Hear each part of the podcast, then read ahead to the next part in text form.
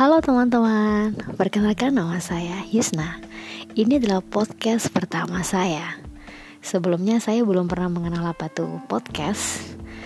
Tapi semenjak ikut kelas di berkreasi, saya jadi penasaran dan ingin membuat sebuah podcast gitu kan. Uh, karena semacam punya radio tuh channel tersendiri gitu. Kayaknya asik nih gitu kan. Apalagi sejak setahun ini saya menekuni di dunia kepenulisan.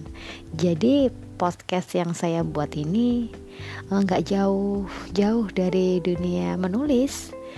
Uh, saya akan berbagi cerita membacakan sebuah buku membacakan sebuah puisi atau bisa sharing bareng dengan teman-teman semua. Uh, saat ini saya tinggal di sidoarjo.